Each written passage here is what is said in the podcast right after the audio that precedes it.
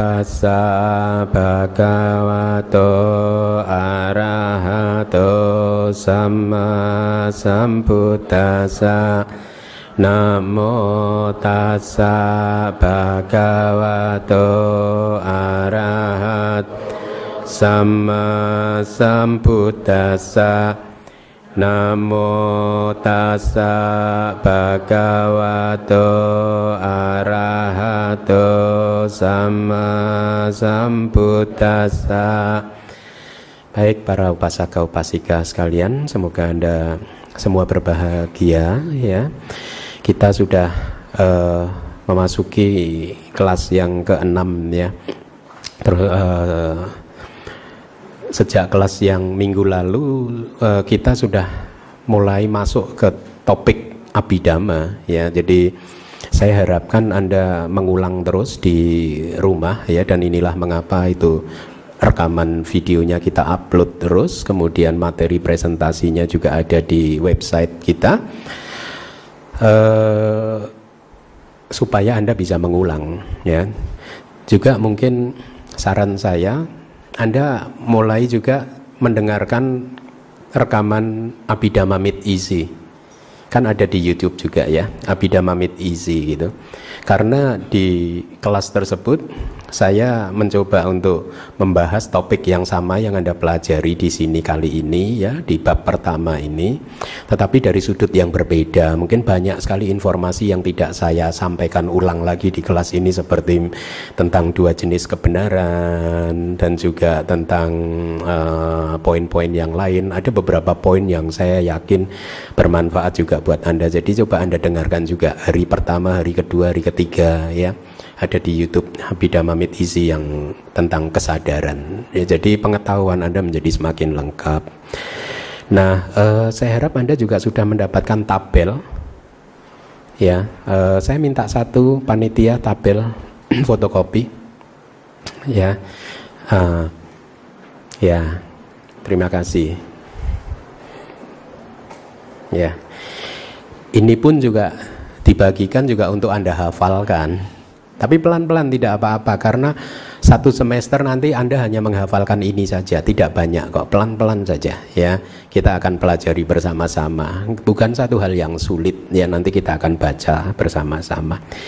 Baik, kemudian juga eh, jadi pada malam hari ini kita akan masuk ke topik yang berbeda ya ini bumi beda cita. Jadi membedakan cita eh, berdasarkan buminya ya berdasarkan tingkatannya. Jadi kita mau mencoba menganalisa cita kesadaran itu ke dalam klasifikasi-klasifikasi tertentu berdasarkan uh, tingkatannya dan nanti juga akan saya sampaikan dianalisa berdasarkan dhamma atau cetasika yang muncul bersamanya atau perasaan yang membedakannya dan lain sebagainya. Nah, sebelum kita mempelajari tentang kesadaran atau tentang cita, dari awal saya ingatkan kepada Anda, kalau Anda masih menganggap ada yang namanya aku di dalam diri Anda, maka si aku itu sebenarnya hanyalah cita ini, kesadaran ini. Plus nanti bab kedua tentang cetak sika, tentang faktor-faktor batin, ya, seperti perasaan, persepsi dan lain sebagainya. Inilah yang Anda anggap sebenarnya sebagai aku. Ya, jadi lihat sangat penting sekali untuk memahami cita dan cetasika atau semua topik di dalam abidama karena dengan demikian maka Anda akan lebih mempunyai pemahaman yang lebih bagus lagi tentang apa yang selama ini Anda anggap sebagai satu wujud yang solid yang menjadi identitas Anda, menjadi identitas keakuan Anda. Karena ya, keakuan Anda lah Anda menderita. Ya, semua orang menderita karena keakuannya, karena mempersepsikan secara keliru menganggap ada yang namanya aku, identitas diri di dalam baik itu di dalam tubuh jasmani kita maupun di dalam persepsi kita, di dalam batin kita ya. Ada satu wujud yang kita sebut sebagai si aku, identitas kita. Dan inilah mengapa Seseorang yang mengalami pencerahan tingkat pertama menjadi seorang pengarung arus atau menjadi seorang sotapana Salah satu yang dihancurkan adalah sakaya didik, pandangan salah tentang identitas diri. Jadi lihat di dalam tahapan yang paling awal tahapan pencerahan yang dihancurkan adalah pemahaman yang salah tentang identitas keakuan Anda. Ya. Dan tadi saya katakan apa yang Anda anggap sebagai aku ini sesungguhnya hanyalah cita yang malam ini kita mulai pelajari dan juga nanti di bab kedua cetasika. Ya, dan cita dan cetasika ini ya prosesnya atau juga dengan rupa dengan jasmani nanti di bab ke-6 gitu. Uh, semuanya ini hanyalah satu fenomena yang muncul bertahan sesaat lenyap dan lenyap selamanya tidak mungkin kembali lagi. Jadi kalau Anda menganggap misalkan keakuan Anda adalah perasaan, padahal perasaan itu muncul kemudian lenyap. Sehingga pada saat perasaan Anda lenyap, harusnya Anda juga tahu bahwa Anda juga lenyap.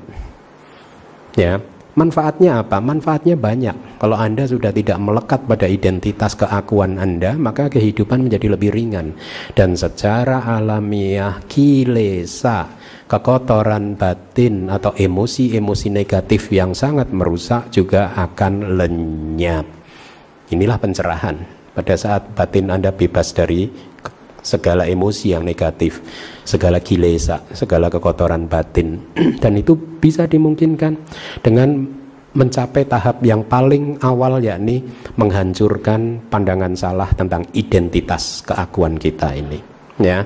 Nah, mari kita pelajari apakah si aku ini cita seperti di tabel yang sudah dibagikan oleh uh, uh, panitia oleh pengurus uh, ada jumlahnya ada 89 ya.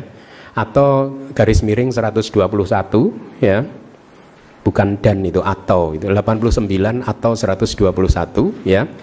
Artinya apa? Kalau dianalisa dengan lebih detail lagi maka cita kita itu kesadaran kita ya. Saya prefer anda mulai familiar dengan bahasa Pali lah. Kata-kata Pali ya. Saya menggunakan cita aja ya bahwa cita ini meskipun cita itu hanya satu sesungguhnya sebagai satu fenomena batin fenomena mental batin kita ini ya satu fenomena saja gitu yang disebut cita ya dan nanti cetasika tetapi kalau cetasika ada banyak kalau cita hanya ada satu tetapi pada saat dianalisa berdasarkan tempat di mana dia muncul, berdasarkan perasaannya, berdasarkan eh, cetasika-cetasika yang muncul bersamanya, maka kalau dianalisa ya akan menghasilkan variasi yang jumlahnya 89 kalau dianalisa secara singkat. Tetapi kalau dianalisa secara detail, kita mencoba menganalisa jana, pencapaian jananya, maka keseluruhannya akan menjadi variasinya akan menjadi 121 ya. Ini yang akan kesemuanya kita pelajari di dalam kelas ini. Nah, sebelum kita masuk saya harap Anda juga sudah ingat tentang syair-syair di dalam Abhidhamma Tak Sanggaha. Ingat belum? Ingat nggak? Hah? Ingat ya? Sama dama tulang sasa dama ganutamang gitu. Terus api wadia pasisang api dama tak sanggaham tata wuta bidamata Catuda paramatato citang kang rupang miti sabada. Tata citang tawa catu bidang hoti kama wajarang rupa wajarang arupa wajarang lokutaran ceti. Itu dari awal sampai syair yang sekarang sama sambudama tulang sasadama ganutamang abi wadia basi sang abi dama tak sanggaham. Sair yang pertama apa tadi? Setelah menghormat dengan sepenuh hati kepada sama sambuda bersama dengan sadama dan komunitas yang utama saya akan berbicara abidama sanggaha tentang segala hal yang ada di dalam abidama. Kemudian syair yang kedua masih ingat nggak? Tata uta abidamata Catu para mata to citang cetasi kang rubang nibana miti sabada. Uh, yang dibicarakan di dalam abidama di sana di dalam abidama dari sudut pandang para mata ada empat yakni apa cita, cetasika, rupa dan nibana. Nah, Anda harus paham ini. Bahasa Indonesianya saja. Tetapi technical term seperti cita, cetasika, rupa dan nibana kalau bisa Anda hafalkan. Anda tidak perlu menghafal seperti saya. Tada, uda, bida, mata, caduda, paramata, itu tidak perlu. Anda hafalkan saja cita, cetasika, rupa dan nibana empat dharma yang hakiki, ya, yang benar-benar ada ya. Selebihnya di luar yang empat ini semuanya hanyalah realitas konvensional tidak eksis. Ya. Ya ini yang sering menipu kita sehingga meng mengambil kebahagiaan kita mengambil kedamaian kita menghancurkan kedamaian kita. Nah mari kita lihat uh, kita akan masuk uh, ke dalam kesadaran atau cita dan tadi uh, di awal sudah saya sampaikan kita akan mencoba menganalisa cita berdasarkan tingkatannya ya. Tadi yang Anda sudah baca syairnya adalah di sana artinya di dalam abidama itu pertama-tama jadi pertama kali kesadaran dibagi menjadi empat ya yaitu kesadaran lingkup indrawi, kesadaran lingkup materi halus, kesadaran lingkup non materi dan kesadaran adi duniawi. Anda baca juga bahasa palinya ada di sini nih. Yang A, B, C, D. Ada kan di di handout yang dibagikan Anda uh, mari kita baca sama-sama. Yang A, kama wacara cita kesadaran lingkup indrawi, kemudian B rupa wacara cita kesadaran lingkup materi halus, C A rupa wacara cita kesadaran lingkup non materi, yang keempat lokutra cita kesadaran adi duniawi, ya. Eh, apa? Ini juga harus Anda hafalkan. Jadi berdasarkan tingkatannya itu kesadaran dibagi empat kama wacara cita, rupa wacara cita, rupa wacara cita dan lokutra cita ya. Uh, penjelasan dari tikanya, dari sub komentarnya dijelaskan seperti ini. Dari empat topik yang ada di dalam abidama, maka kesadaran akan dianalisa uh, ber, pertama kali ya sebelum yang lainnya, maka kesadaran dianalisa terlebih dahulu. Berdasarkan tingkatan itu saya beri garis bawah juga dianalisa berdasarkan jenisnya dan juga asosiasi dan lain-lain. Jadi bumi, jati sampai yog sampai yoga adiwasena ya akan dianalisa e, berdasarkan faktor-faktor e, pembeda. Jadi sekali lagi saya tekankan bahwa kita sedang berbicara tentang realitas yang hakiki yang Anda anggap mungkin selama ini sebagai makhluk atau sebagai aku. Dan mari kita lihat ya e, bahwa sebenarnya yang kita anggap sebagai makhluk aku roh itu sesungguhnya hanyalah cita ini. Plus cetasika nantinya ya jadi berbeda dengan para ilmuwan yang hanya mampu mengamati fenomena yang bersifat material. Kan saat ini eh, ilmuwan-ilmuwan di dunia ini hanya mampu mengamati fenomena yang disebut material kan. Kaum fisika sudah bisa menganalisa jauh sekali tentang alam semesta, tentang Big Bang, tentang black hole dan lain sebagainya.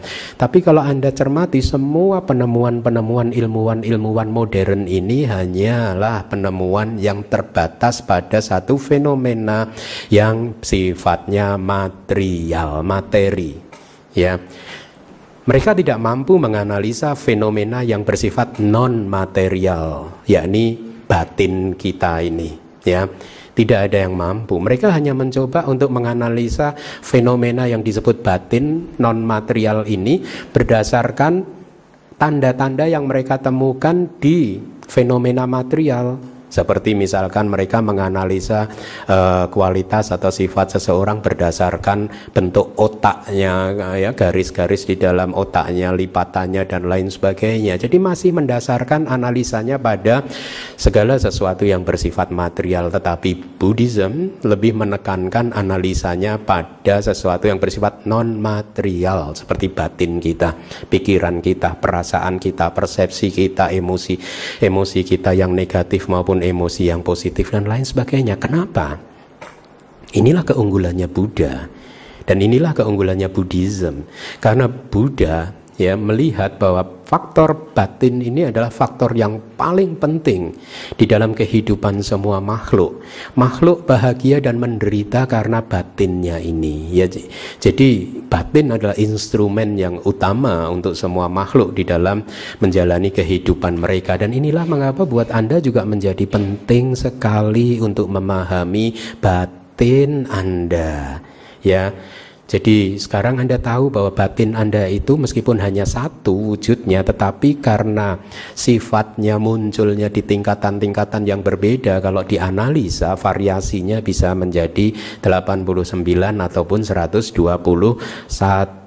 Nah, kita mengedepankan analisa yang pertama ini cita ya, bukannya material. Kenapa? Karena itu tadi kita ingin mencari sebab penderitaan ini apa dan kita ingin mencari, eh, mempelajari penderitaan ini dengan sebaik-baiknya seperti dalam kebenaran mulia yang pertama. Dan semuanya itu kalau Buddha mengatakan ada di dalam tubuh dan uh, batin ini, ya.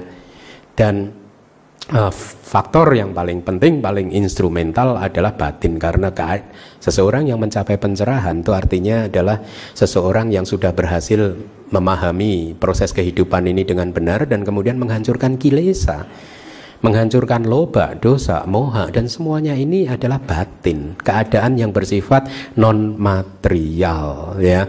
Nah, eh, tadi dikatakan berdasarkan tingkatan itu ada empat kama wacara cita silahkan dibaca bersama-sama.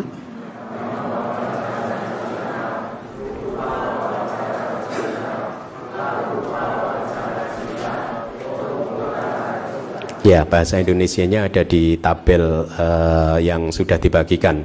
Nah, sekarang kita analisa berdasarkan jenisnya, ya jati, ya. Uh, mari dibaca juga supaya anda familiar. Aku salah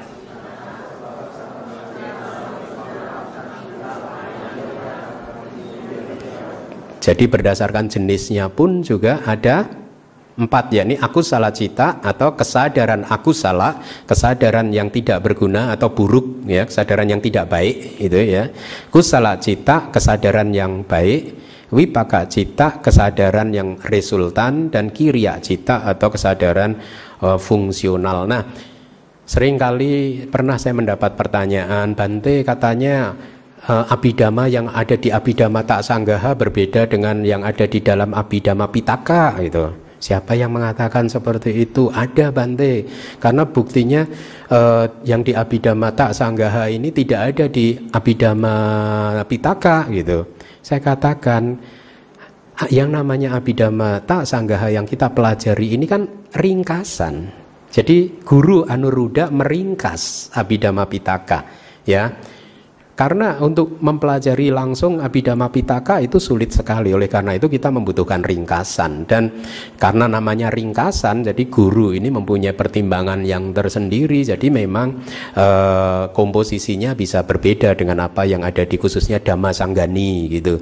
Di dalam Abhidhamma Sanggaha yang kita pelajari ini urut-urutan cita berdasarkan jati atau jenisnya dibedakan menjadi yang pertama akan dianalisa adalah aku salah cita kesadaran yang tidak baik.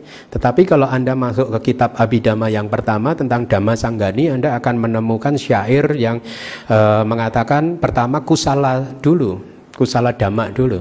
Kusala dhamma, kusala dhamma, abaya kata dhamma dan seterusnya. Jadi urut-urutannya berbeda tetapi maknanya sama. Apa yang dipelajari itu sama saja, tidak ada perbedaan, ya. Nah, eh saya akan jelaskan dulu itu aku salah cita. Kesadaran yang tidak baik itu artinya eh, kesadaran yang kalau menurut Abhidhamma ada istilah yang mempunyai akar. Jadi kita mempunyai mengenal ada enam jenis akar. Ya ini tiga akar buruk, tiga akar baik ya. Dalam hal aku salah cita maka kesadaran yang tidak baik ini ya berakar pada satu atau dua akar yang buruk. Akar yang buruk itu apa saja? Loba, dosa, moha. Akar yang baik a loba, a dosa, a moha ya. Nah, disebut kesadaran tidak baik, aku salah cita karena jenis kesadaran ini berakar, muncul dari satu atau dua akar yang tidak baik. Ya bisa loba, muncul dari kesadaran yang berakar dari keserakahan dan juga delusi moha atau kesadaran yang berakar pada dosa dan juga moha atau juga hanya kesadaran yang berakar pada moha saja ya. Itu yang disebut uh, kesadaran aku salah tidak baik. Kesadaran inilah yang sesungguhnya melakukan kejahatan. Jadi bukan anda yang melakukan kejahatan keakuan anda yang melakukan kejahatan tetapi Aku salah cita ini jumlahnya ada 12 aku salah cita kesadaran yang tidak baik. Jadi kalau seseorang melanggar sila bukan orang tersebut melanggar sila yang melanggar sila ya si aku salah cita ini. Ya. Jadi lihat persepsi Anda mulai pelan-pelan akan saya arahkan untuk berubah. Bukan Anda yang melakukan kejahatan tetapi aku salah cita. Aman kan Anda kan bukan Anda loh. Jadi aku salah cita ini yang melakukan kejahatan. Aku salah cita ini yang marah-marah. Aku salah cita ini yang punya nafsu. Aku salah cita ini yang sombong. Aku salah aku salah cita inilah yang melakukan karma buruk dan lain sebagainya. Ya. Nah, Kemudian yang jenis kedua adalah kusala cita Anda pahami sebagai kebalikannya mempunyai akar baik yakni kebalikannya apa tadi? A loba a dosa dan a moha. Kemurahan hati cinta kasih dan juga kebijaksanaan ya. Nah karma baik itu yang melakukan ya kusala cita ini ya.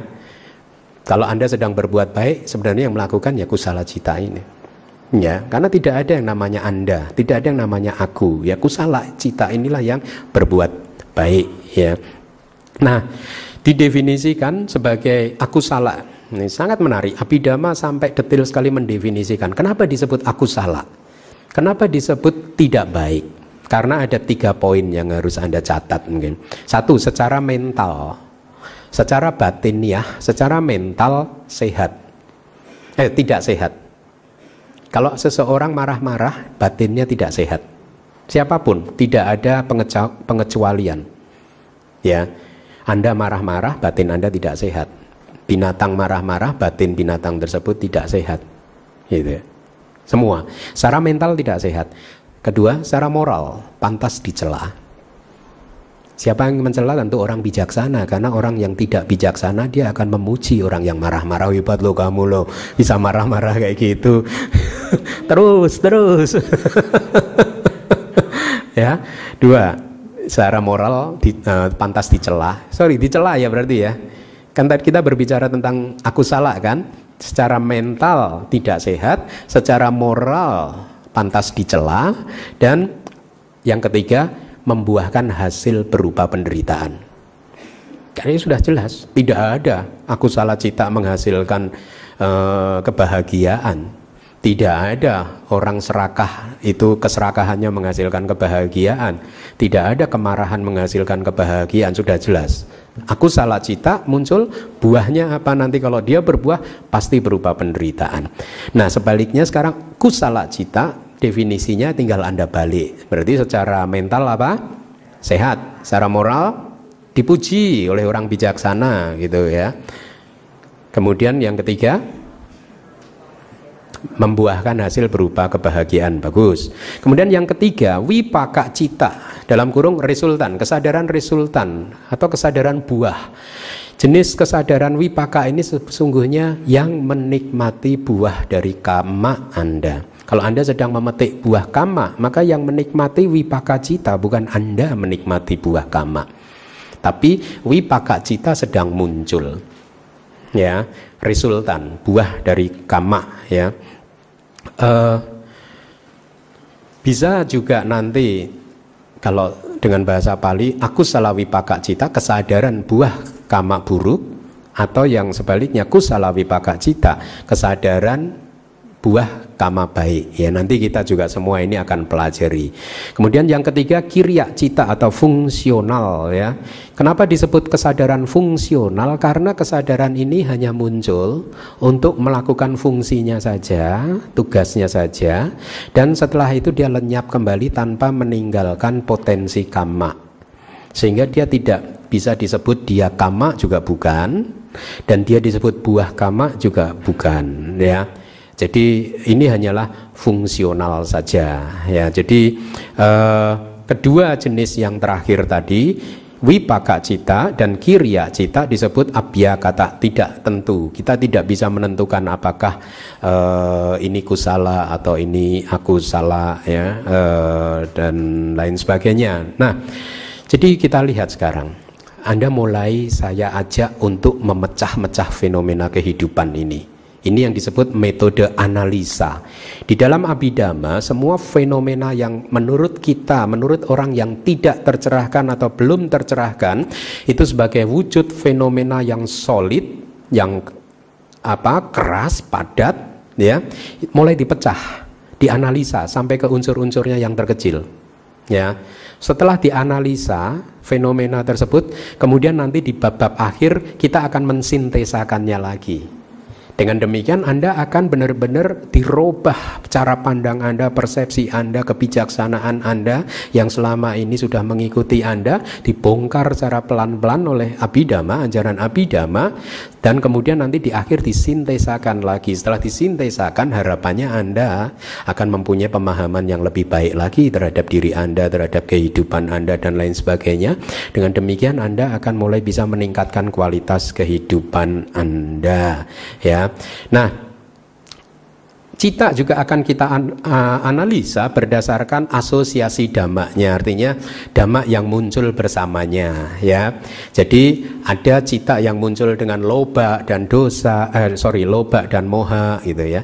Loba dan dosa keserakahan dan kebencian tidak bisa muncul bersama-sama.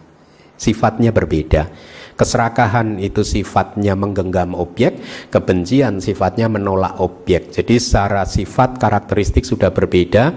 Jadi inilah mengapa kalau Anda sedang marah-marah maka keserakahan tidak bisa muncul. Demikian pula sebaliknya.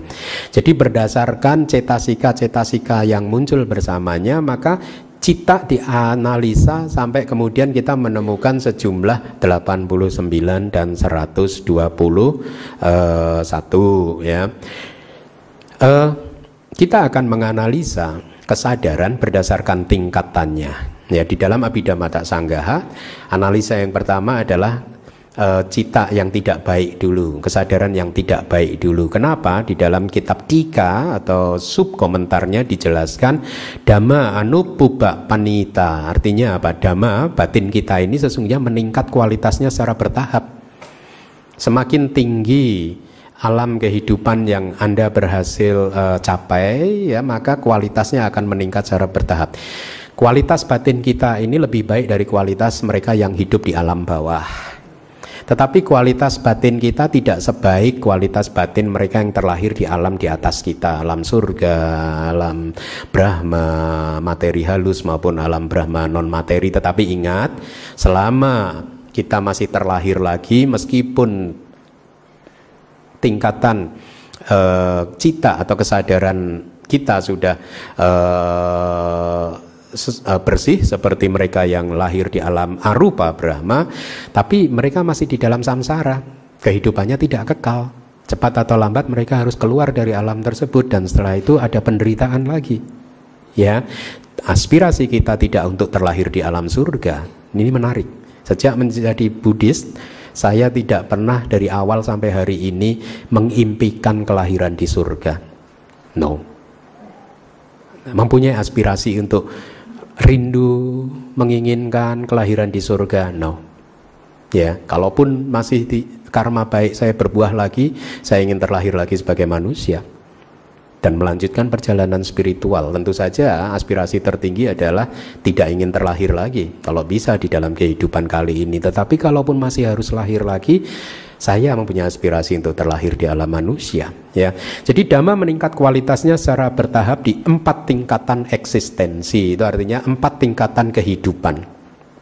Ya, tadi sudah secara sekilas kita baca ada empat tingkatan alam kehidupan ya, yakni kama bumi alam di mana indera, panca indera dan objek-objeknya ini memegang peranan penting di dalam kehidupan seperti di sebelas alam kehidupan atau juga alam yang atas, alam rupa Brahma dan alam arupa Brahma. Berarti sudah ada tiga alam. Kemudian yang ke Empat adalah alam yang lokutra yang melampaui dunia di mana akhirnya kalau Anda berhasil memunculkan cita yang bersif yang namanya lokutra cita, maka cita dan palak cita, maka proses Anda keluar dari samsara terjadi secara bertahap. Kalau Anda seorang sota pana, maka maksimal tujuh kali kelahiran Anda lagi Anda punya maksimal bisa kurang dari tujuh kali kelahiran.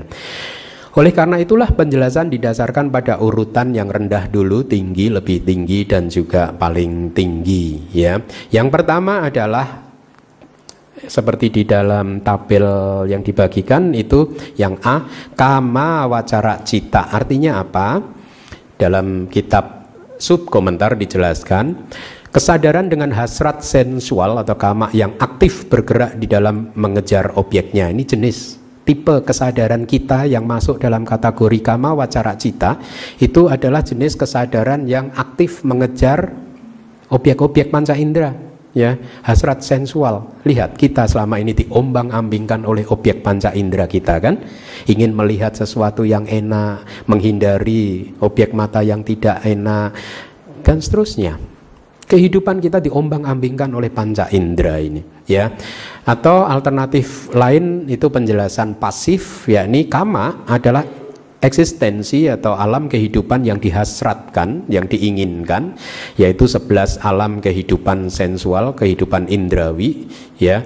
E, kama bumi ada sebelas, yakni empat alam kehidupan yang bawah, neraka peta asura binatang, kemudian yang kelima alam manusia dan ditambah enam alam dewa. Sebelas alam ini disebut alam uh, uh, apa sensual hasrat sensual yang uh, apa kama wacara alam lingkup indrawi ya.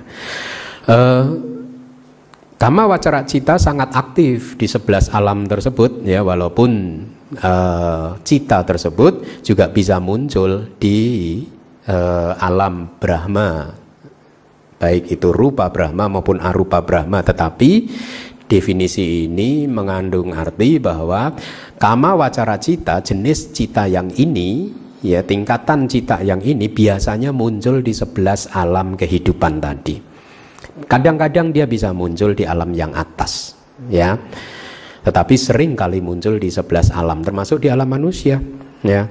Kemudian rupa wacara cita dan arupa wacara cita juga dipahami dengan cara yang sama. Artinya jenis rupa wacara cita atau tingkatan rupa wacara cita itu adalah jenis kesadaran yang biasanya muncul di alam Brahma materi halus rupa Brahma. Ya biasanya ada kata-kata biasanya muncul di alam tersebut. Artinya kadang dia muncul juga di alam manusia. Kadang dia bisa muncul di batin Anda. Kalau Anda mencapai jana maka ini adalah kesadaran jana Ya, kalau Anda mencapai jana, maka jenis kesadaran inilah yang muncul. Jadi eh, kesadaran tersebut muncul di alam manusia ya. Dan ini saya berikan informasi tambahan, kita mengenal ada rupa jana, jana yang masih memakai objek materi halus dan berhubungan dengan rupa bumi atau alam kehidupan Brahma yang masih mempunyai tubuh yang halus.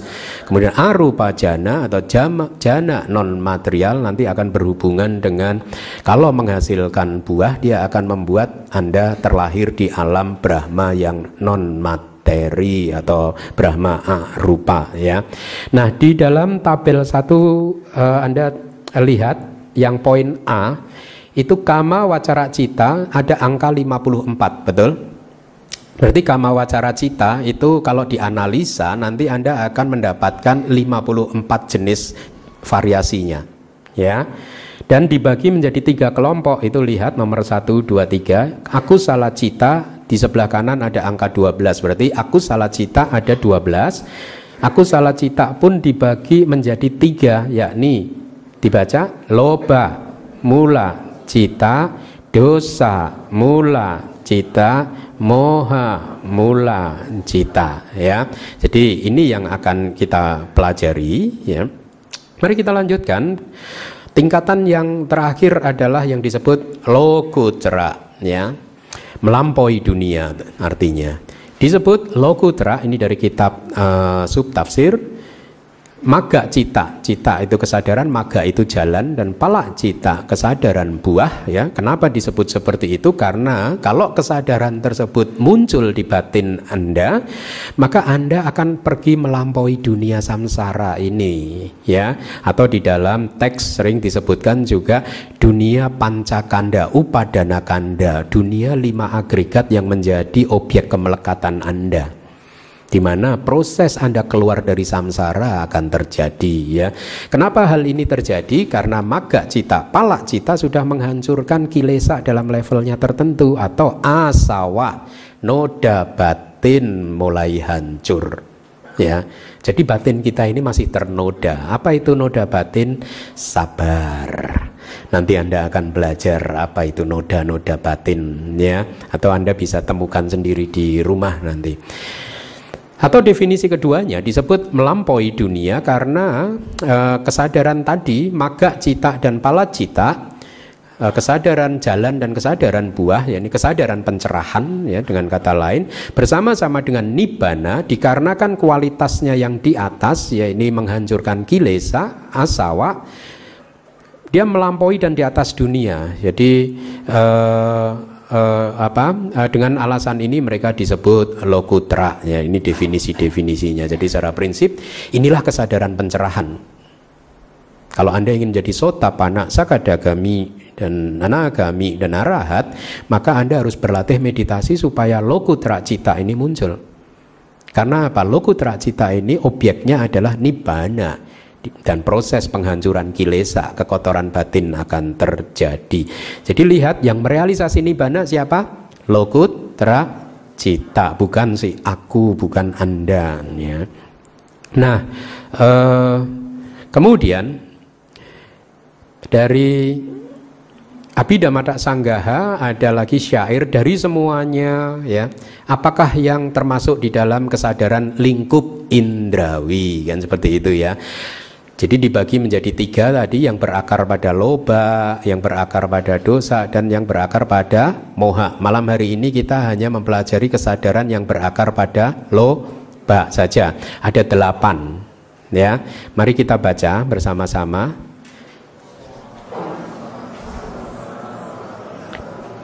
Didik kata sampai asangkari kamekang ya bahasa Indonesianya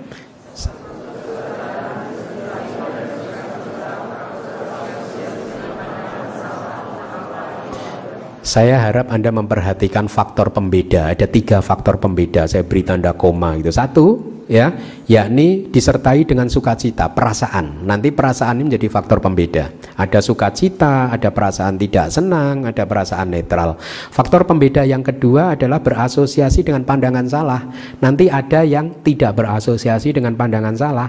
Faktor pembeda yang ketiga tanpa dorongan, artinya spontan ya nanti ada faktor pembeda dengan dorongan artinya dengan bujukan dan seterusnya ya. Jadi tiga faktor pembeda ini kalau di analisa digabung-gabungkan maka kita akan menemukan jumlahnya delapan loba mula cita atau delapan kesadaran yang berakar pada keserakahan. Inilah kesadaran yang sedang serakah pada saat keserakahan muncul di batin Anda. Bukan Anda yang serakah tapi kesadaran inilah yang serakah. Anda aman. ya, yang kedua, mari kita baca. Ta sampayutang sa sangkari kamekang. Bahasa Indonesianya.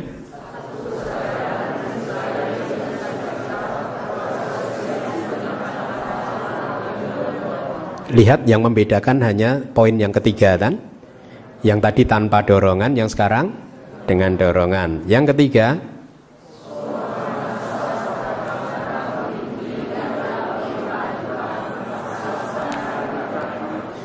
bahasa Indonesianya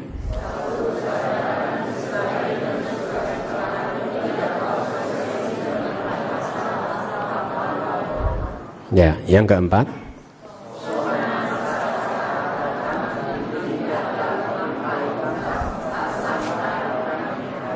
Bahasa Indonesianya.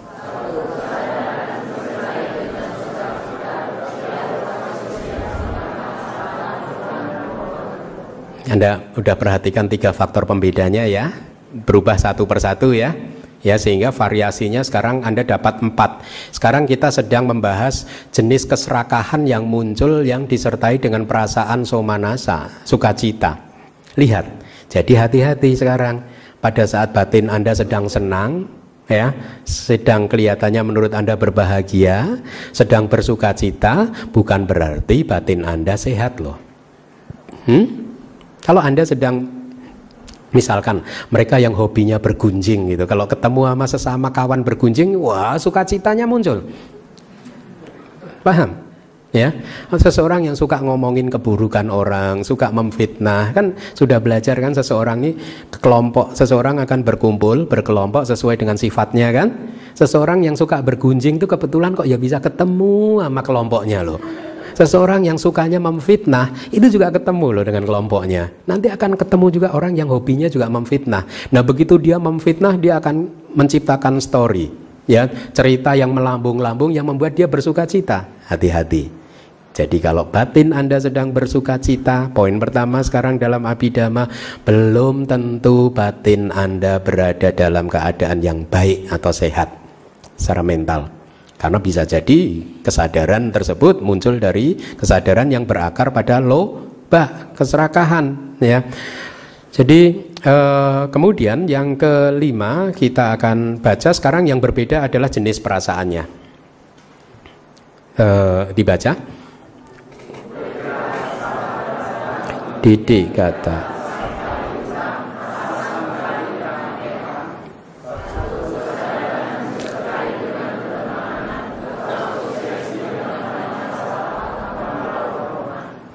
Yang berikutnya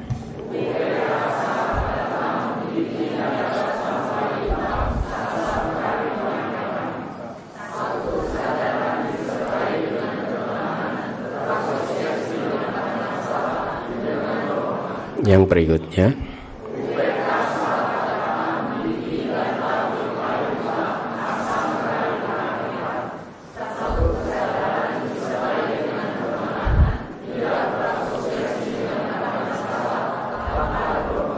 Yang terakhir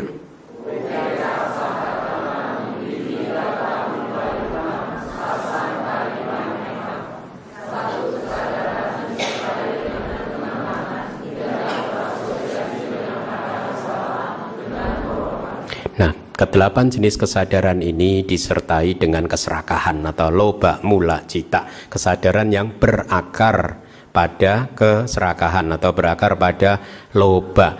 Nah, apa yang Anda pahami dengan keserakahan? Keserakahan itu bukan berarti kalau Anda sedang menginginkan sesuatu secara berlebihan. Yang, yang disebut loba itu bervariasi dari kemelekatan Anda yang paling lembut pun misalkan kemelekatan Anda terhadap anak Anda, suami Anda, istri Anda kelihatannya itu tidak harmful tetapi kalau di sana ada kemelekatan, maka kesadaran yang berakar pada loba, keserakahan itu muncul, ya.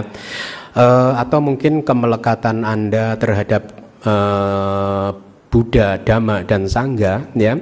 Meskipun kelihatannya itu adalah rasa suka cita terhadap objek yang bagus, Buddha, Dhamma, dan Sangga, tapi kalau itu menjadi kemelekatan, maka ini adalah kesadaran yang tidak baik. Ya, Inilah mengapa Buddhism dari awal sampai sekarang menjadi agama yang tidak pernah ada satu tetes pun darah yang tertumpah hanya gara-gara untuk membela agama Buddha. Kita ini orang yang super baik, ya. Kalau wiharanya dihancurkan ya kita bangun lagi. Tidak ada kita marah-marah membalas dendam. Ya. Kenapa? Karena kita tahu bahwa kalau Anda melekat maka Anda akan efeknya akan marah. Dia sih menjelek-jelekan agama Buddha sih. Nah, anda marah-marah. Ini efek dari kemelekatan Anda terhadap agama Buddha. Dia sih menjelek-jelekan bantai kesayangan saya sih. Nah, kalau Anda membalas, maka itu efek dari kemelekatan Anda terhadap bantai tersebut. Jadi inilah yang disebut loba bukan hanya nafsu yang menggelora, yang meledak-ledak Anda bernafsu terhadap pasangan Anda dan lain sebagainya, tetapi juga termasuk kemelekatan yang lembut seperti itu. Ya, ini pun dikatakan secara mental tidak sehat, secara moral pantas dicela dan juga akan menghasilkan ini yang penting, menghasilkan penderitaan. Jadi sekarang Anda tahu ada berapa jenis kesadaran yang berakar pada keserakahan atau loba, variasinya ada loba, ada delapan. Sesungguhnya hanya ada satu. Tetapi karena dia muncul berbeda-beda ya e, dengan perasaan berbeda dengan ada pandangan salah atau tidak ada dorongan atau tidak maka variasi kemunculannya itu menjadi delapan. Nah meskipun disebut sebagai kesadaran yang berakar pada loba sesungguhnya kesadaran ini juga mempunyai akar yang lain yaitu moha. Jadi loba dan moha bekerja sama Loba itu selalu muncul, eh sorry, moha, delusi, khayalan, kebodohan itu selalu muncul di 12 kesadaran aku salah atau yang tidak baik ini. Contoh, dalam bentuk mengelabui kita, memberikan pemahaman yang keliru ya. E, kalau kita sedang bernafsu atau melekat kepada mungkin katakanlah hmm, anak istri suami uh, Anda begitu ya. Kalau batin Anda menganggap bahwa anak istri atau suami Anda itu adalah uh, sesuatu yang solid, maka ini adalah uh, apa?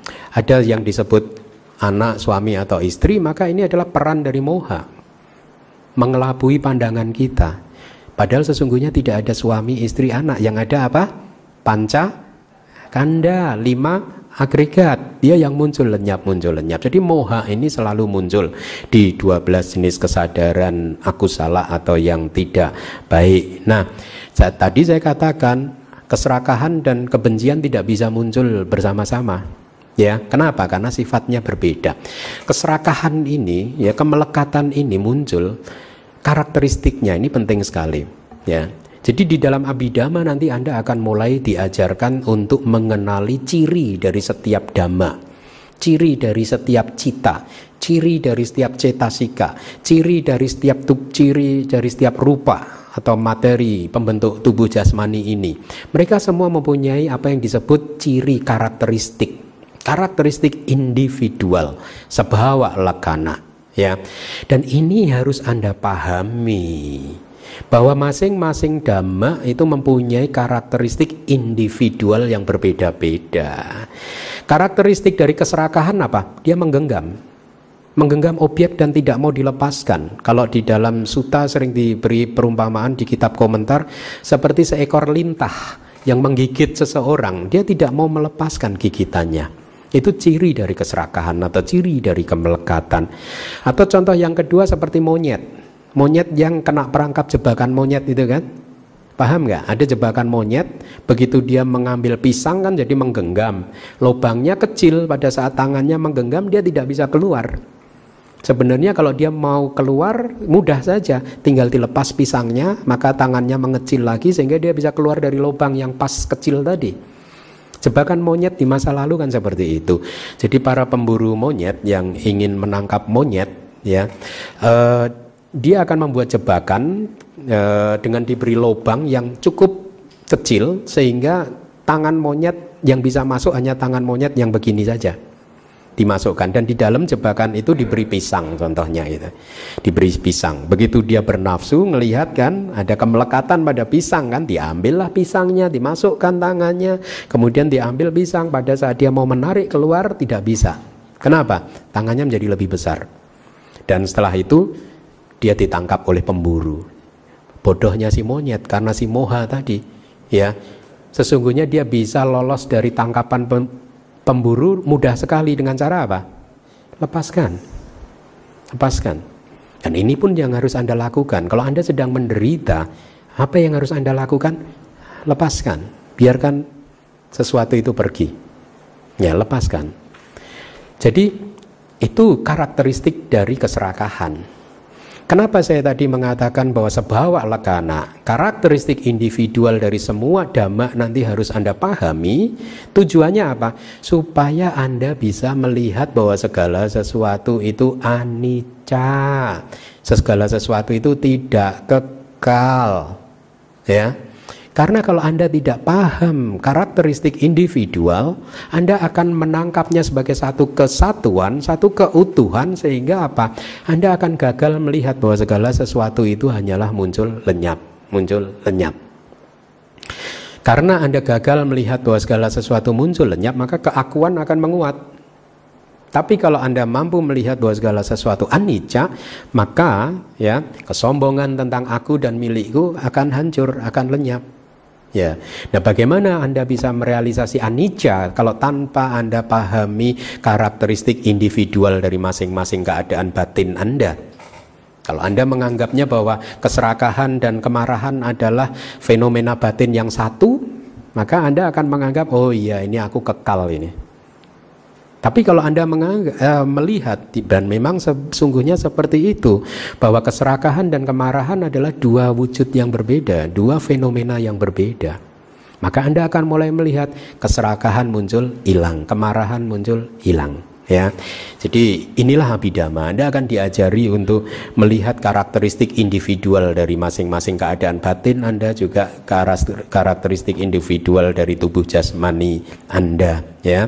Jadi ada delapan jenis. Mari kita lanjutkan. Uh, hmm? Ya. Kesadaran yang berakar pada keserakahan ada delapan dari eh, penjelasan dari kitab sub komentarnya ya. Dari empat tingkatan kesadaran, kesadaran lingkup indrawi juga dibagi menjadi empat ke dalam akusala cita, kusala cita, wipaka dan kirya tadi sudah dijelaskan. Terus ada kalimat seperti ini ya. Kecuali yang buruk dan tanpa akar mereka semua disebut kesadaran yang indah ya. Kesadaran yang buruk ada 12 tadi sudah saya sampaikan. Kemudian kesadaran yang tanpa akar ada berapa di tabel Anda? Yang kedua 18 betul? 12 tambah 18 berapa anak-anak? 30 89 dikurangi 30 59 ya. Sisanya berarti disebut kesadaran yang indah sobana cita yang 8 apa 59 tadi yang ke bawahnya. Tapi yang 12 aku salah cita dan 18 kesadaran tanpa akar disebut akso cita atau kesadaran yang tidak indah. Nah, kenapa ada kalimat kecuali yang buruk dan tanpa akar, sisanya mereka disebut yang indah.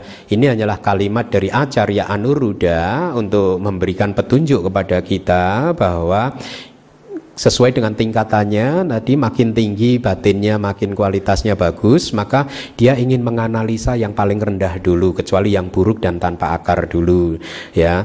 Kemudian eh, dengan kalimat tadi kecuali yang buruk dan tanpa akar.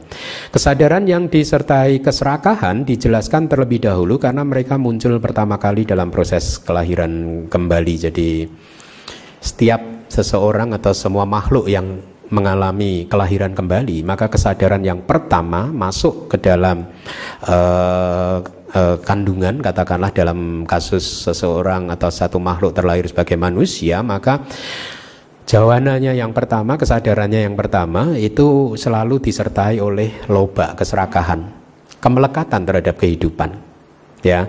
Jadi inilah mengapa di dalam Abhidhamma Sanggaha e, loba mula cita dijelaskan terlebih dahulu ya meskipun di Dhamma Sanggani penjelasannya urutannya menjadi berbeda ya. E, kemudian yang setelah loba mula cita maka yang kemudian diterangkan adalah dosa mula cita. Kenapa? Karena kesadaran yang disertai oleh perasaan tidak senang juga mempunyai kesamaan dua akar, yaitu akar apa? Dosa dan moha ya. Selanjutnya poin apa jenis yang ketiga klasifikasi yang tiga ketiga baru kesadaran yang uh, uh, yang berakar pada moha karena hanya satu akar dan selanjutnya baru kesadaran yang tanpa akar. Jadi ini model analisa dari Acarya Anu Ruda ya. Jadi uh, kita sudah uh, melihat ya sudah mencoba untuk menganalisa. Saya ulangi lagi ada berapa jenis kesadaran yang berakar pada keserakahan? Ada delapan. Mari kita analisa lagi. Apa saja itu yang delapan itu Tadi Anda membaca Soma Nasa Gatang atau disertai dengan perasaan sukacita. Jadi istilah ini merujuk kepada satu perasaan batin yang menyenangkan. Tadi sudah saya katakan ya, kalau batin Anda berada dalam keadaan yang menyenangkan, hati-hati belum tentu itu adalah kesadaran kusala atau kesadaran yang baik. Ya bisa jadi itu adalah kesadaran yang tidak baik ya. Kemudian faktor pembeda yang kedua didik kata sampayutang berasosiasi dengan pandangan salah. Penjelasan dari kitab sub komentar adalah pada saat Anda melakukan sesuatu didorong oleh keserakahan dan juga ada pemahaman pandangan salah yakni di sini disebutkan kesadaran yang muncul bersama dengan salah satu dari 62 pandangan salah ya di kelas hari Minggu Pariyati Sasana saya sedang mengupas 62 pandangan salah. Atau ada pemahaman tentang adanya roh diri yang kekal ya. Atau ada kemelekatan yang kuat terhadap aku dan milikku ya dalam bentuk hanya ini saja yang benar yang lain salah. Ini kan sikap batin yang penuh kemelekatan kan? Kalau anda mempunyai kemelekatan bahwa hanya agama Buddha yang benar dan yang lain salah kalau ini menjadi kemelekatan bukan kebijaksanaan beda. Ada ke, orang bijaksana mengatakan ya ini yang baik yang lain kurang baik tapi dia tidak melekat. Artinya apa? Kalau pahamnya diganggu, dia tetap bisa memaafkan, tetap bisa tersenyum. Tapi kalau kita melekat, kalau paham Anda diganggu, maka Anda akan bereaksi secara negatif dan penderitaan akan muncul. Ya. Nah, ini yang disebut pandangan salah. Jadi kadang Anda sedang serakah diikuti dengan pandangan salah juga atau kadang Anda sedang serakah terhadap sesuatu tapi tidak ada pandangan salah yang menyertainya ya. Faktor yang ketiga termasuk di sini adalah sorry, pandangan salah itu juga termasuk apa? Memahami bahwa segala sesuatu itu adalah kekal. Kalau Anda mengejar sesuatu di dunia ini dengan mengatakan uh, memahami setelah Anda mendapatkannya maka setelah itu Anda akan bahagia kekal dan abadi maka ini adalah pandangan yang salah ya. Jadi atau juga opini-opini yang tidak berdasarkan pada uh, fakta, kenyataan atau tidak berdasarkan ke, uh, kebenaran. Jadi Anda lihat di dalam kesed kesadaran yang berakar pada keserakahan paling tidak Anda melihat berapa fenomena yang berbeda. Satu, cita. Ya. Itu fenomena terpisah. Kemudian fenomena yang kedua apa? Loba. Ya, keserakahan itu sendiri. Kemudian fenomena yang ketiga apa? Moha. Muncul juga kan moha kan? Fenomena yang berikutnya apa? Pandangan salah. Itu juga fenomena mental, fenomena batin. Kemudian fenomena yang berikutnya adalah dorongan, induksi baik itu dari orang lain atau dari diri kita sendiri. Dan kesemuanya itu sebenarnya meskipun dia fenomena yang terpisah di dalam kitab tafsir dikatakan bercampur secara sempurna ibaratnya seperti uh, air dari dua sungai yang bertemu di lautan ya dia akan bercampur sehingga kita akan sulit untuk bisa membedakan bahwa air yang di dalam tempat ini air dari sungai A, air yang ini dari sungai B dan seterusnya.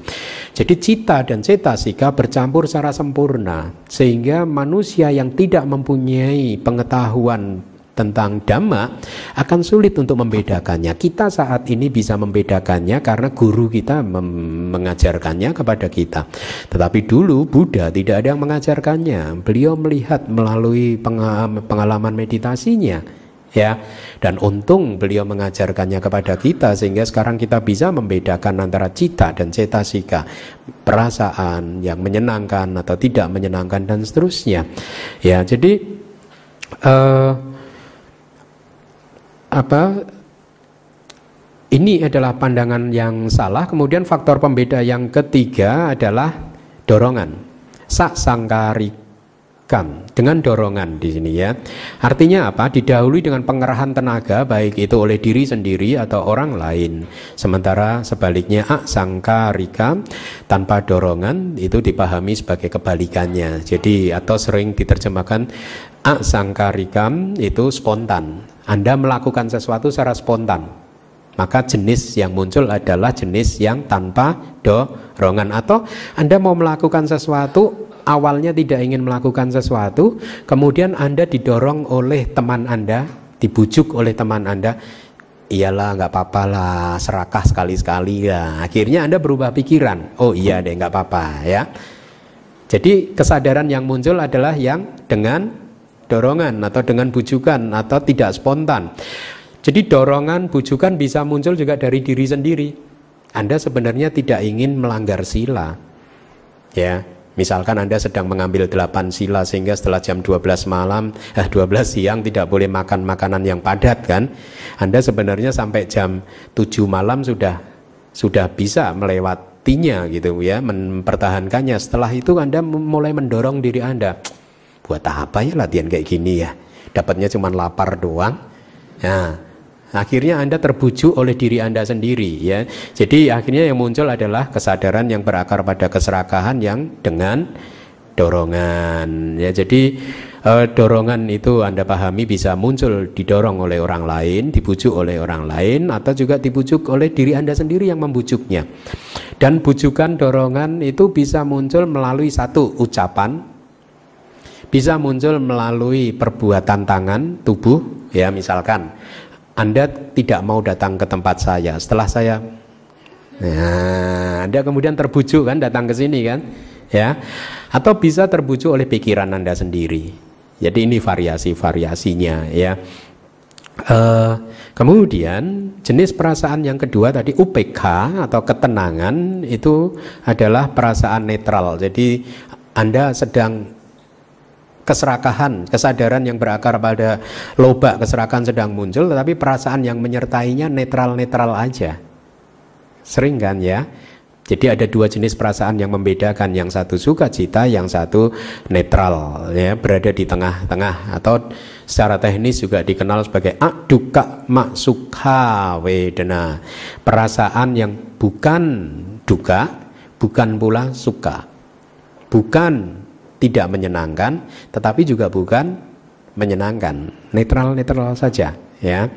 Nah, selanjutnya ini menarik.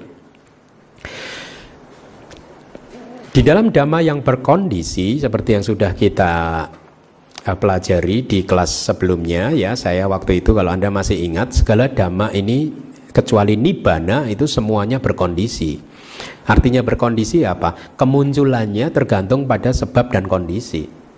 Contoh, Anda bisa mendengar ke arah saya.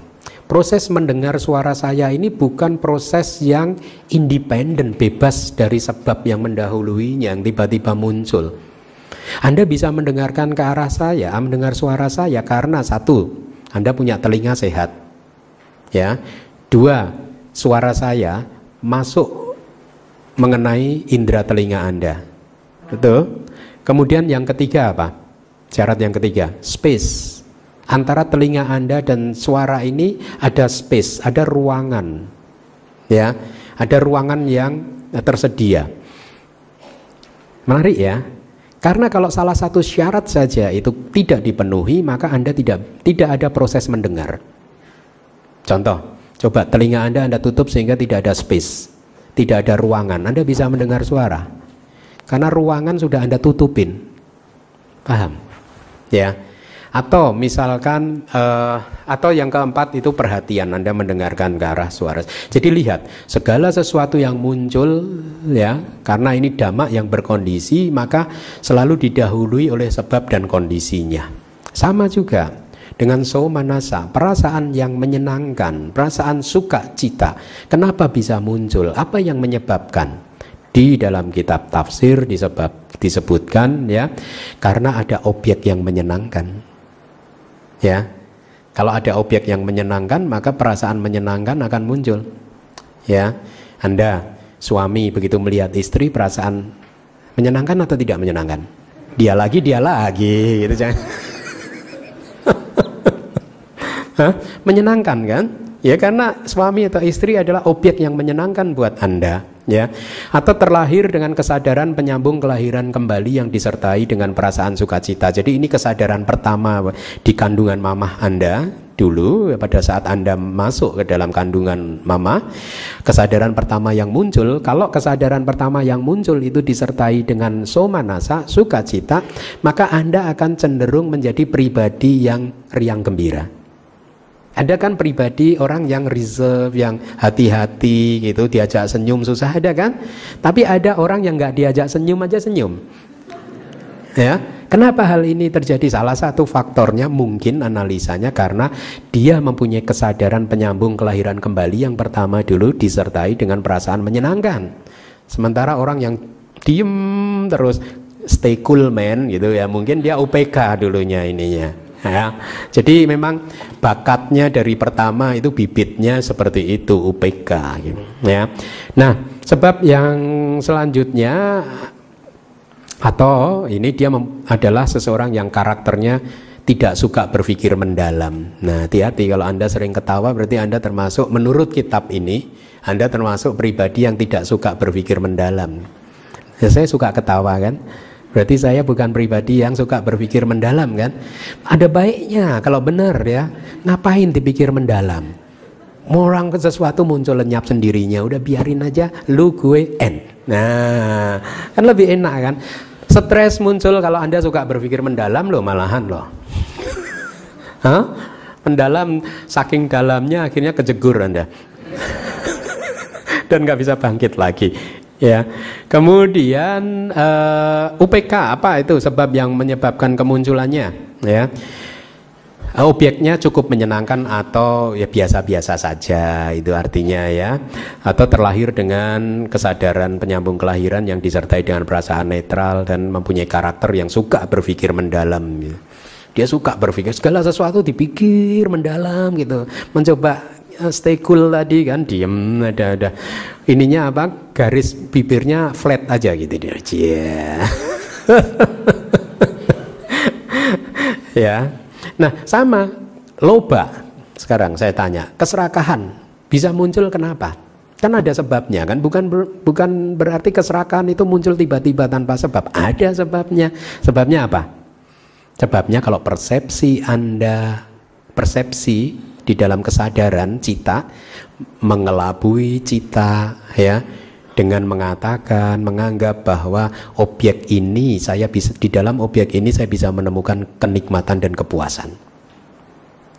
Jadi ada persepsi yang mempengaruhi cita yang mengatakan bahwa di dalam objek tersebut ada kenikmatan. Maka loba bisa muncul, keserakahan bisa muncul. Nah lihat, Proses pencerahan sebenarnya sedikit banyak mengha, apa, merubah persepsi kita, merubah cara pandang kita. Kalau Anda mengatakan dunia ini adalah sesuatu yang bisa uh, persepsi saat ini mengatakan di dalam dunia ini ada kepuasan, ada kenikmatan, maka keserakahan kemelekatan muncul. Tapi apa yang dianggap sebagai kepuasan dan kenikmatan di dalam dunia ini, orang bijaksana, orang yang tercerahkan menganggapnya sebagai berbeda. Arahat Buddha menganggapnya dunia ini penuh penderitaan. Tapi orang yang belum tercerahkan menganggapnya dunia ini penuh kebahagiaan. Makanya loba muncul, loba mula cita muncul terus. Ya, muncul lenyap, muncul lagi yang jenisnya sama lagi. Lenyap lagi muncul jenisnya sama lagi. Jadi terus-terusan di sana terus ya. Nah, sebab yang berikutnya uh, tentang titik gatak gone to the view. Gatak gone titik pandangan salah gone. Pergi kepada pandangan salah atau uh, cukup diartikan uh, sampayuta berasosiasi ya terkait dengan pandangan salah Kenapa ada seseorang yang selalu mempunyai pandangan salah, sering kali memunculkan pandangan salah di dalam kesadarannya karena alasannya dia berkumpul dengan orang yang mempunyai pandangan salah. Lihat, seseorang yang mempunyai sifat sama akan berkumpul kalau Anda berkumpul, bersahabat, hidup di dalam komunitas yang mempunyai pandangan salah yang ditonjolkan, maka batin Anda pun akan cenderung juga membangun pandangan salah di dalam batin Anda. Anda akan meniru cara mereka. Ya. Makanya Buddha mengajarkan kepada kita untuk mempunyai kalyana mit kita, teman spiritual yang baik. Karena kalau Anda mempunyai teman spiritual yang baik, maka Anda akan mencontoh cara mereka berpikir, mencontoh cara mereka berkata-kata, mencontoh cara mereka memutuskan sesuatu dan lain sebagainya. Ya. E, kemudian sebab yang kedua adalah meyakini pandangan tentang kekekalan dan pemusnahan. Artinya setelah kehidupan ini Anda akan dianugerahi kehidupan surga yang kekal ya atau dihukum nanti di neraka yang kekal ya. Maka Anda akan cenderung juga membangun pandangan yang salah. Ingat pandangan penting sekali. Kalau pandangannya udah salah maka seluruh perjalanan spiritual Anda akan menuju ke arah yang salah. Ya kalau pandangan Anda udah ke sana, maka Anda akan berjalannya ke sana. Kalau pandangan Anda ke kiri, maka Anda akan berjalannya ke kiri. Kira-kira seperti itu. Kalau pandangan kita sudah benar, maka seluruh perjalanan spiritual kita akan benar. Saya tahu bahwa musuh sejati kita kan Buddhism diajarkan bahwa musuh sejati kita itu adalah kilesa kita sendiri, kekotoran batin kita sendiri. Sehingga pada saat kita berada di dalam situasi yang penuh konflik, kita akan mempraktekkan pengendalian diri supaya tidak memunculkan kemarahan. Ini kan pandangan benar. Coba kalau pandangan kita udah salah, siapa yang menghina kamu, hajar bleh. kalau pandangannya udah salah, akhirnya kita bereaksi secara salah. Ya, jadi pandangan ini sangat penting sekali. Oleh karena itu Anda sudah dari awal harus tahu dulu pandangan benar itu seperti apa. Ya. Ada juga ini dari Dhamma Sanggani Kata dari kitab Atta Salini disebutkan dari kitab yang berbeda. Kenapa seseorang atau batin yang disertai pandangan salah bisa muncul di seseorang tertentu ya secara terus menerus? Salah satu uh, sebab-sebabnya adalah karena dia sering mendengar ajaran yang tidak baik ya. Atau dia mempunyai juga teman yang tidak baik. Teman yang tidak baik itu tidak paham disebutkan empat satipatana tanpa pengendalian diri dalam silanya patimokanya tidak ada pengendalian diri ya. Kemudian juga uh, mempunyai kalau biku itu uh, jiwa parisudi sila uh, latihan kemoralan untuk membersihkan cara hidup kita ya biku ini tidak boleh ini tidak boleh itu ya tidak boleh eh, banyak sekali peraturan kebikuan dan lain sebagainya. Ini dalam konteks biku, tapi dalam konteks umat perumah tangga, Anda bisa membangun pandangan salah menjadi satu pribadi yang mempunyai pandangan salah, selalu bereaksi dengan pandangan yang salah. Hal ini sangat dimungkinkan karena pilihan Anda. Anda memilih teman yang mempunyai pandangan yang salah. Anda mempunyai teman yang tidak baik dan itu Anda akan terpengaruh. Ya, komunitas yang tidak baik Ya. Kemudian Anda tidak punya keinginan untuk melihat Arya orang suci, ya, tidak punya keinginan untuk melihat Buddha dan Sapurisa, Sapurisa orang yang baik. Tapi dalam konteks dhamma disebut orang yang suci, ya, sotapana, sekadagami, anagami dan arahat. Tidak ada keinginan, ya. Kemudian juga nah ini yang ini kitab loh, ini bukan saya ya. Anda mempunyai teman yang perilakunya yang tidak benar. Apa itu? Menyukai hingar-bingar pesta. Yo, sana ada pesta. Yiha. Seperti dulu siapa itu? Upatisa dan siapa? Yang kemudian menjadi yang Arya Sariputa dan juga Mogalana kan sebelumnya suka berpesta kan? Hidupnya dihabiskan dari satu pesta ke pesta yang lain kan? Ya berbahaya. Untung beliau berdua sadar dan akhirnya menjadi murid-murid uh, paling dekatnya Buddha, tangan kanan dan tangan kirinya Buddha. Tapi berapa banyak makhluk yang suka pesta itu? Saya tidak mengatakan bahwa mereka yang suka pesta itu jelek, tapi biasanya mereka yang suka pesta itu ya salah, apalagi ibu-ibu. Kalau nggak ngerumpi nggak nggak asik kan? Kalau udah pesta ngerumpi nanti. Eh kemarin si A nah. Dan sukacita muncul. Pandangan salah muncul ya. Dan bisa spontan bisa tidak spontan. Dengan dorongan bisa tanpa dorongan. Lihat ya. Hati-hati restrain kendalikan diri datang ke pesta boleh tapi anda harus penuh uh, mindful ya penuh perhatian ya penuh pengendalian diri. Ini bukan dari Bante Keminda, ini dari Atta Salini. Kitab komentar dari Abhidhamma Pitaka yang pertama Dhamma Sanggani.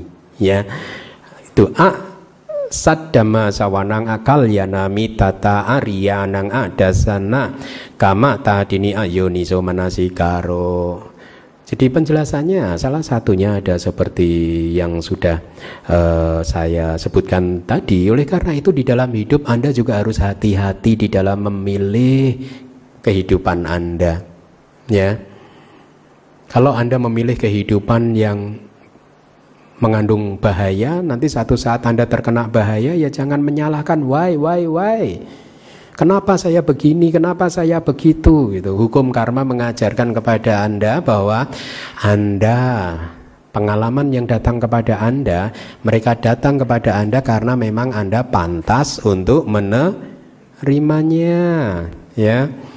Jadi jawaban terhadap why why why apa? Why not?